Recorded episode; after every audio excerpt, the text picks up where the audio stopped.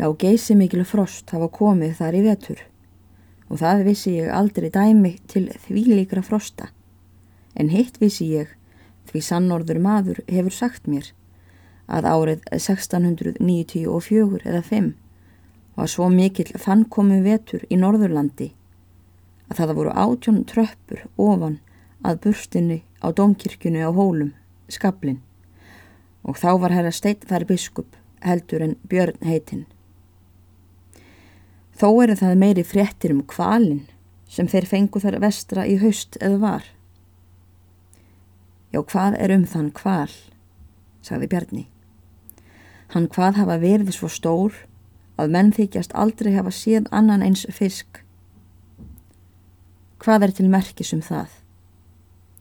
Þeir fundu niður í þessum kval, annan kval, heilan og óskertan og sá kvalur var mældur og var 80 faðmar á milli skurða.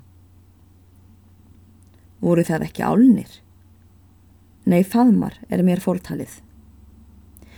Já, ákaflega stór hefur svo skeppna verið sem gatt gleift svo stóra skeppnu í heilu líki og aldrei hef ég heyrt getið um svo stóran kval.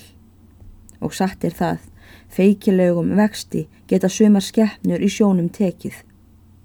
En það vissi ég að á söðurnesjum veitist einu sinni nokkrum árum áður en ég fór að róa í Grindavík. Svost orð orskur að hann var hertur gildustu bakkar upp á hest. En höfuðið var látið ofan á milli og þá sligaðist hesturinn og var þó mesti úlvalda greipur, tveggja grjónatunnu hestur. En hvað ætli mennirnir hafi getað gjört við allan þennan kval? Því furðumikið spík hefur orðið af því líkum fiski. Þeim hefur orðið helmingurinn af honum ónýtur.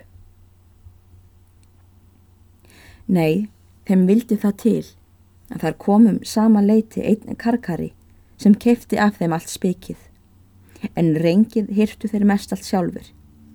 Og sá karkari var á svo stóru skipi að þegar hann var búin að taka við öllu spikinu sást lítill eða engin leðslumunur á því.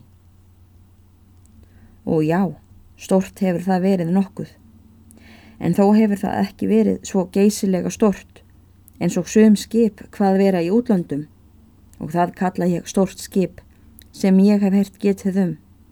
Það voru á því 18.880 menn. Það hafa sjálfsagt verið átjónhundruð menn, því svo stór skip eru til, sagði vinnumadur. Og langt frá, barn, langt frá. Það kalla þeir kænur sem átjónhundruð eru á. Það voru 18.888. Það voru þetta tvær tvær fjölskyldur í hverju einasta hjóli í reyðanum og áttu þar heimili. En í körfunni var staður með og tvær annexýr með tilheyrandi kirkjusóknum og 400 áttu heima við stýrið.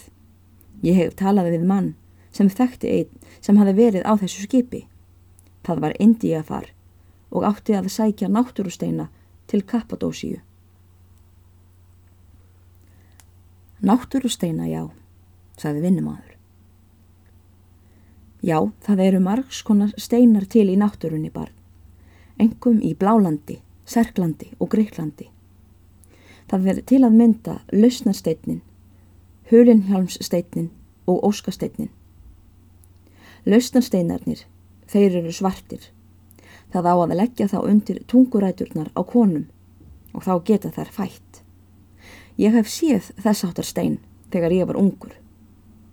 Þeir eru í rauninni ekki steinar, en það eru augasteinar úr villimönnunum á blálandi Þeir kristnu slátra þessu svarta fólki eins og fjö til þess að það ná úr þeim augnasteinunum.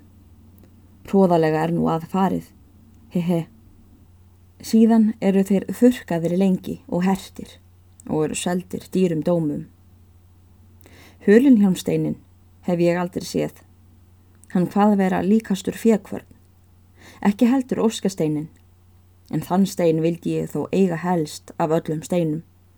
Því mikil er náttúra þessa steins og ekki þekki ég neitt sem á þann stein hér nálagt. Á þekki þér engan? Nei, ekki með vissu, sagði Bjarni. En réttið því hann sagði þetta, kom Sigrún þar inn í húsið og bar í hendinni fisk eitt mikinn og sex kökur og smjörkúpur all görfulegar og víkur sér að Bjarni og segir Húsmóðurinn bað mig, Bjarni minn, að bjóða þér dálítið að borða. Á ekki að setja það að borðið fyrir þig, eða viltu taka við því hérna, þar sem þú ert? Og láttu það koma hérna stólkukind. Ég get látið kúpuhóluna vera hérna á milli fóta minna, á meðan ég gjöri mér gott að því. Það var dásamlega gjört af húsmóðurinni að gefa mér að borða núna, fyrir nú finn ég að ég hef nokkur vegin matalist því ekki hef ég smakkað mat síðan snemma í morgun. Og að því ég fór fyrir á fætur en ég er vanur gati ég ekki borðað eins og ég á að mér. Ég greip tvo ríkjarliði og bringu af lampkettling og hvaða matur er það allan daginn? Eftir það tekur hann með kóbónum og setur þær í knesjur og leggur síðan fiskin og kökurnar ofan í þær tekur síðan ofan húfuna og signir sig og segir síðan. Ég verð að hafa borðsálminn í stittralægi í þetta sinn og gefið þér mér í Guðs friði.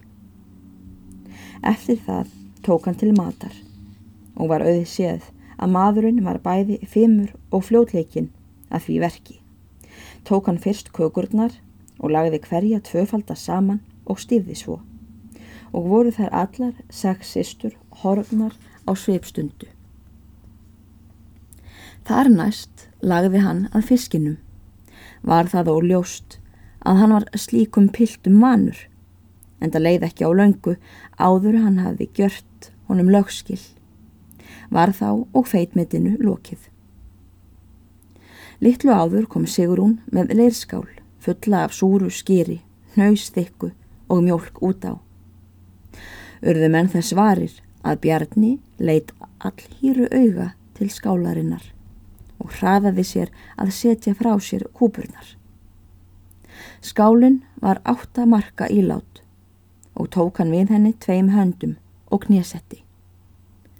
Varð þeirra aðgangur bæði harfur og langur, en svo laug að hann hafði ágætan sigur og til merkis um það þurkaði Bjarni hanna innan með sleikjufingri sínum tók síðan róðin af fiskinum, snýrið þau vandlega saman og stakk þeim ofan í smjörkúpurnar og leð þar síðan ofan í skáluna og setti síðan skáluna á kistil við rúmið og segir við Sigrúnu er staðið hafið þar í húsinu hjá þeim þorstinni á meðan Bjarni var að mjaða ofan í sig skirinu og skálinni.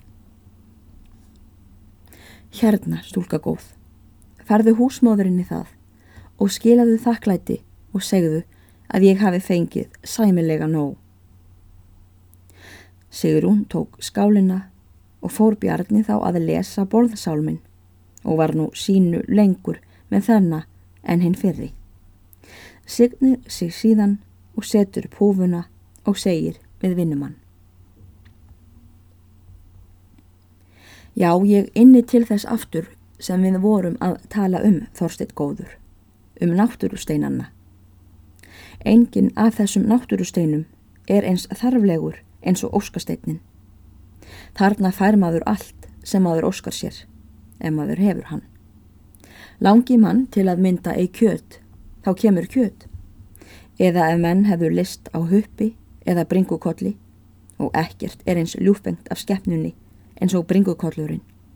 Nú, þá þarf maður ekki annað en að óska sér hans og þarna er hann undir eins komin Jú, ef ég ætti þann stein, þá held ég maður óskaði sér margs og ég er raunar sæmilega sattur núna, en þó held ég mér er þið fyrst fyrir að óska mér einhvers ljúfengs bytta að mýkja kverkarnar svona eftir á, til að mynda síðubytta af holdgóðum fimm vetra gömlum dilksauð.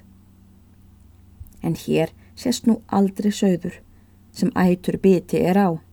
Þetta eru allt rétjur Því hvaða fita er það á fjögura og fimm metra gömlum sögðum hérna, þó þeir skerist með tveimur fjórðungum best, og þetta tveggja og hæst þryggja fingra þykk himnan utan á riðbeinunum. En ættu menn sögði sem hafa gengið í ódaðurhraunni. Það eru mólar sem uppalast þar. Þar eru sögðirnir eins og tveggja vetra stærri en stærstu vetrungskálvar á hausnóttum í byggðinni. Hann sagði mér það, hann maður, Þórólfur, hétt hann. Ég þekkti hann söður í Grindavík. Hann hafði verið í ódaðurhaunni þrjú ár, þrjá mánuði, þrjár vikur og þrjá daga. Það fylgir afstyrmis aflaki, tvæ vetur og varðla að gjöra í blóðið, skili hann ekki halvvættinni á tvo mörvanna, en síðurnar af þeim eru gildasta þverhönd og þar yfir í sárið, soðunar, hangnar og beinharðar ofan úr eldhúsi og svo bráð feitar að það makast af þeim hnífurinn og köldum eins og af góðum hálfkæstum bakhákalli. Já, ekki má ég hugsa til hákalsins. Það er einhver hinn ágetasti, gómsætasti, ljúfengasti og kjarnbesti átmatur, vel orðin og nógu gamal. Nú gaf Bjarni nokkra málkvíld. Þá segir vinnumadur. Þú getur þá, Bjarni minn, sagt okkur eitthvað frá ótáðarhaunni fyrst þú talaðir við mann sem hafi verið þar meira en þrjú ár.